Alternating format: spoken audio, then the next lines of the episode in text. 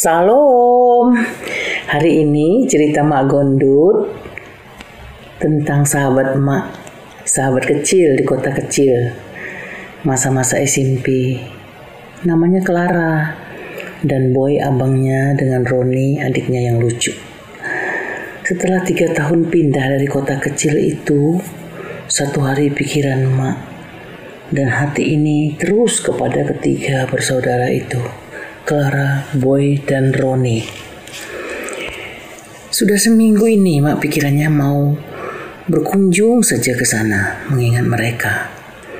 Padahal mak belum pernah pergi sendiri.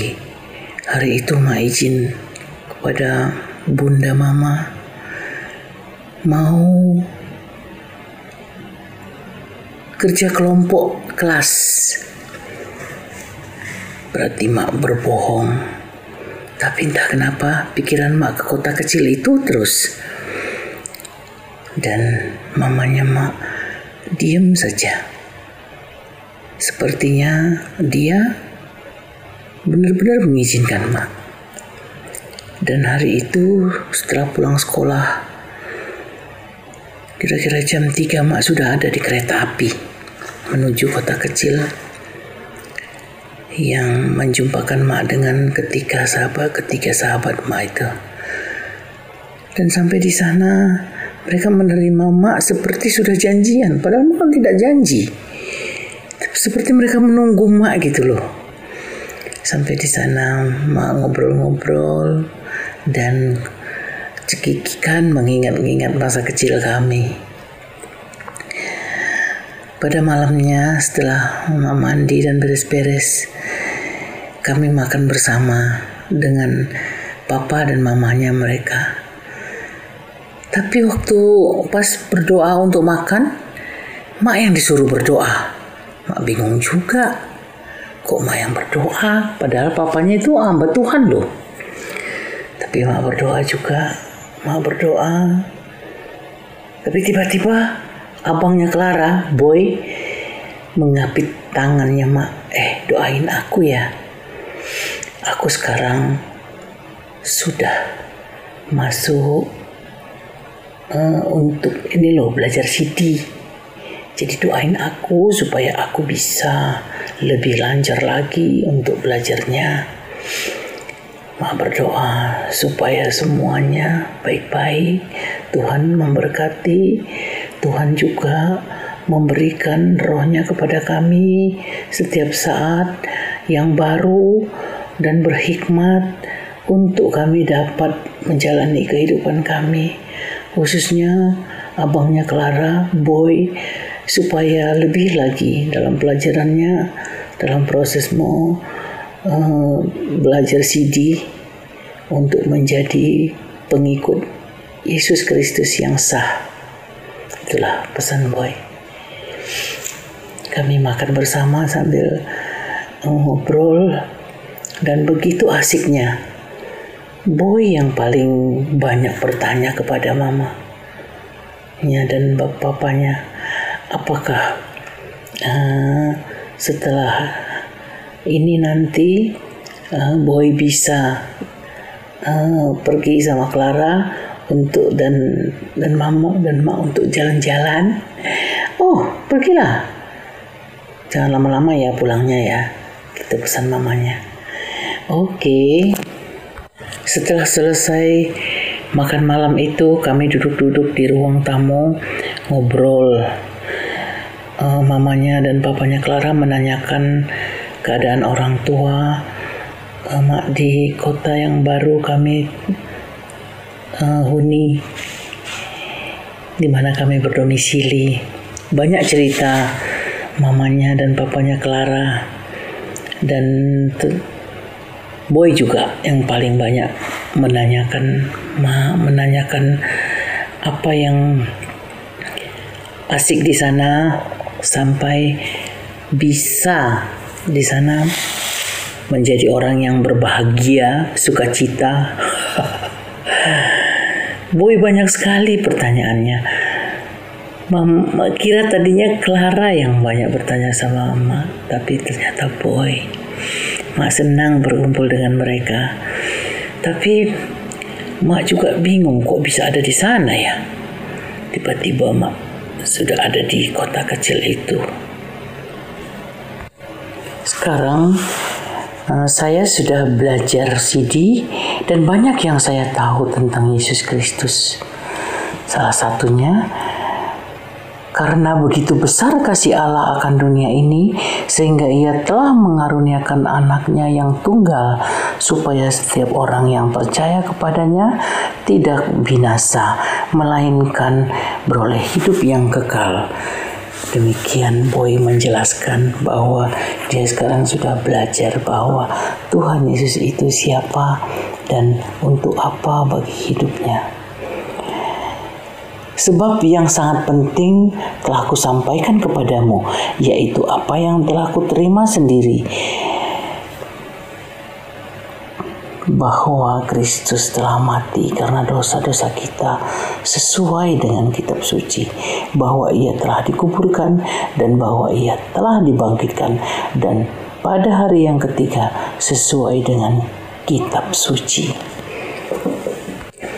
Sebab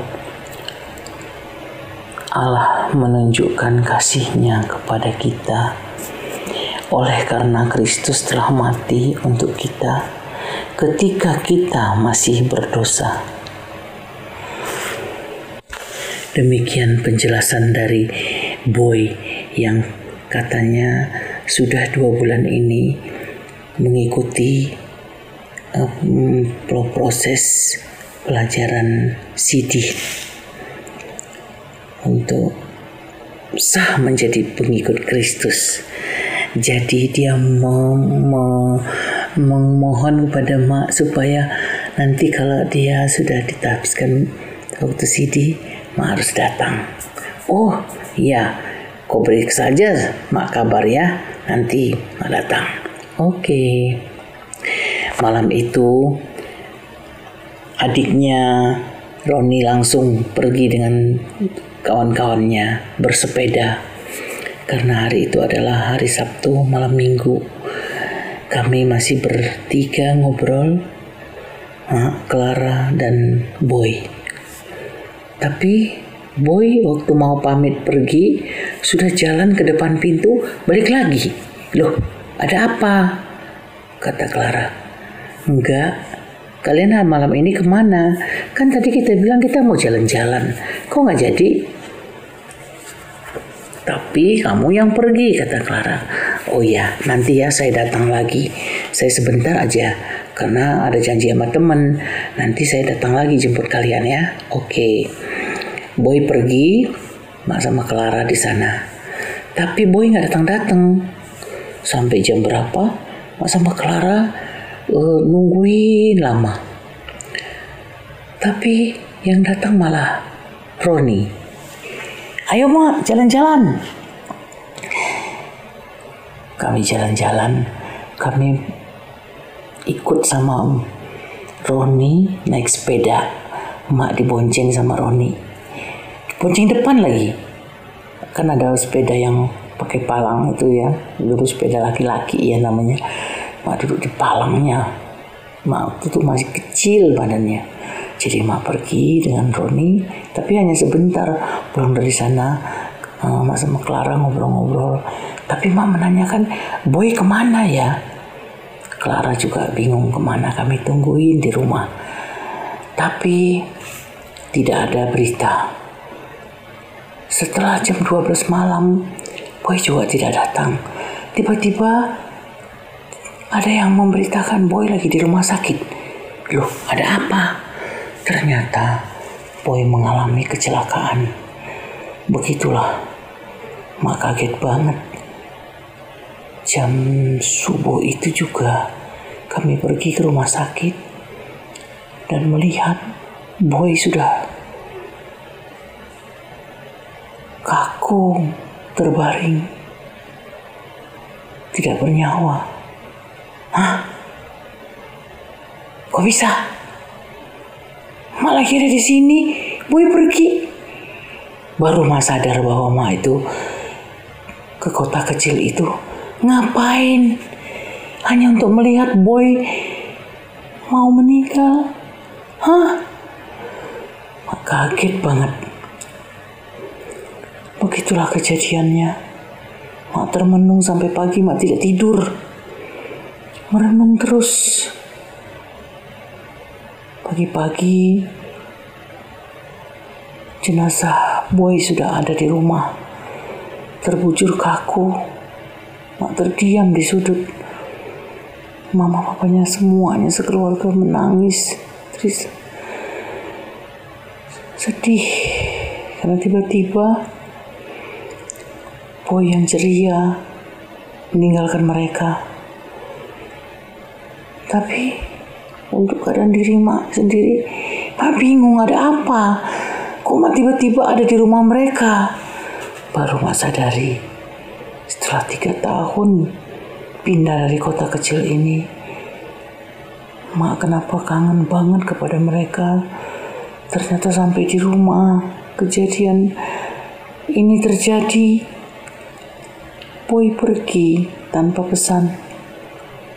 Hanya ayat-ayat firman Tuhan yang diucapkannya yang hanya mengatakan itu dia sudah meng, me, me, berproses menjadi pengikut Yesus Kristus yang sah. Begitulah ceritanya. Sampai siang hari mak masih terpaku, terdiam. Tapi mak harus pulang hari itu. Karena besok pagi mak harus sekolah. Dan tiket kereta api mak juga sudah mak beli. Mak permisi sama Clara. Dan mengatakan kepada Clara, gak usah dikasih tahu ke mama sama papanya supaya mama papanya tidak bertanya-tanya tentang mak kenapa pulang. Begitulah. Mak sudah ada di kereta api lagi untuk perjalanan pulang ke kota mak yang baru tiga jam perjalanan itu di kereta api mak tertidur lelap karena mak tidak tidur sampai subuh. Sesampai di rumah, mak juga bingung. Mau mau berterus terang kepada mamanya mak tidak berani. Jadi selama satu minggu itu, mak hanya kebayang wajahnya boy. Mak ke dapur sendiri Sepertinya ada boy. Mak mau tidur. Sepertinya ada boy di plafon di langit-langit itu. Bingung mak sejadinya. Beginilah kejadian awal-awal mak bertemu dengan orang yang mau menghadap Tuhan Yesus Kristus. Mak tidak mengerti sampai akhirnya seminggu setelah Mak tidak fokus akan segala pekerjaan Mak, pelajaran dan lain-lain. Mak berterus terang sama mamanya Mak. Mak bilang begini, sebenarnya waktu Boy meninggal, saya ada di sana Mama maknya diam aja. Hah? Kamu di sana? Hari apa itu? Hari Sabtu. Yang bilang saya mau ke kerja kelompok kelas. Terbata-bata. Terus terus terang kepada mamanya mak. Tapi mamanya mak bilang, rasanya Mama selimutin kamu malam itu. Kamu ada di kamar. Hah? Mamanya mah nggak percaya. Mama itu pergi ke kota kecil. Tempat mak SMP dulu. Iya ma, sama mama aku lihat boy kecelakaan itu sebelumnya kami ngobrol-ngobrol. Tapi setelah jam 12 terdengar berita bahwa dia kecelakaan dan meninggal. selama seminggu ini aku merasa bersalah. Selalu lihat boy di mana-mana, mama. Mama saya bingung. Ah, kamu ini mimpi ya? Waktu Sabtu yang lalu itu Mama selimutin kamu loh. Mama datang ke kamarmu, mama selimutin karena kakimu tidak tertutup selimut. Hah? Mamanya mak nggak percaya. Ya sudahlah, jangan mimpi. Kalau sudah meninggal ya mau bilang apa? Berdoa sama Tuhan supaya keluarganya diberi penghiburan, terutama mama papanya. Clara, Roni, dan lain-lain supaya mereka suka cita. Nanti kapan-kapan kita kalau sudah tenang, kita ke sana ya. Mama juga pengen ketemu mereka. Diam aja mendengarkan celotehan mamanya, Mak. Tapi setelah Mak berterus terang sama mamanya, Mak, bahwa Mak pergi ke kota kecil tempat Clara, Boy, dan Roni untuk bertemu mereka. Mamanya mak diam dan mengatakan kalau benar begitu berarti mak bisa ke sana dengan tujuan apa? Mak juga nggak tahu mau jawab apa. Begitulah kejadiannya. Mak ke sana itu seperti nggak sadar. Padahal mak nggak pernah sendirian ke mana-mana di jalan tiga jam di dalam kereta api. Mak juga tidak tahu sudah ada di kereta api sampai di rumah mereka juga. Mak juga rasanya seperti ada di mana. Ternyata mau menyaksikan boy pergi dan menyampaikan firman Tuhan yang sudah didengar dan direnungkannya. Semoga sudah dilakukannya Begitulah ceritanya tentang Boy. Dan begitulah cerita pertama-tama menghadapi orang-orang yang mau menghadap Tuhan Yesus Kristus. Ada saja kejadian-kejadian yang aneh yang mengalami. Tapi setelah sadar, barulah mak mengerti Begitulah setelah seminggu kejadian itu berlalu, baru mulai normal kembali. Tidak lagi melihat wajah boy di mana-mana. Tidak lagi ketakutan. Tidak lagi merasa bersalah kepada mamanya. Semoga semuanya menjadi baik-baik aja. Dan setelah kejadian itu, beberapa kali mak menghadapi masalah yang sama.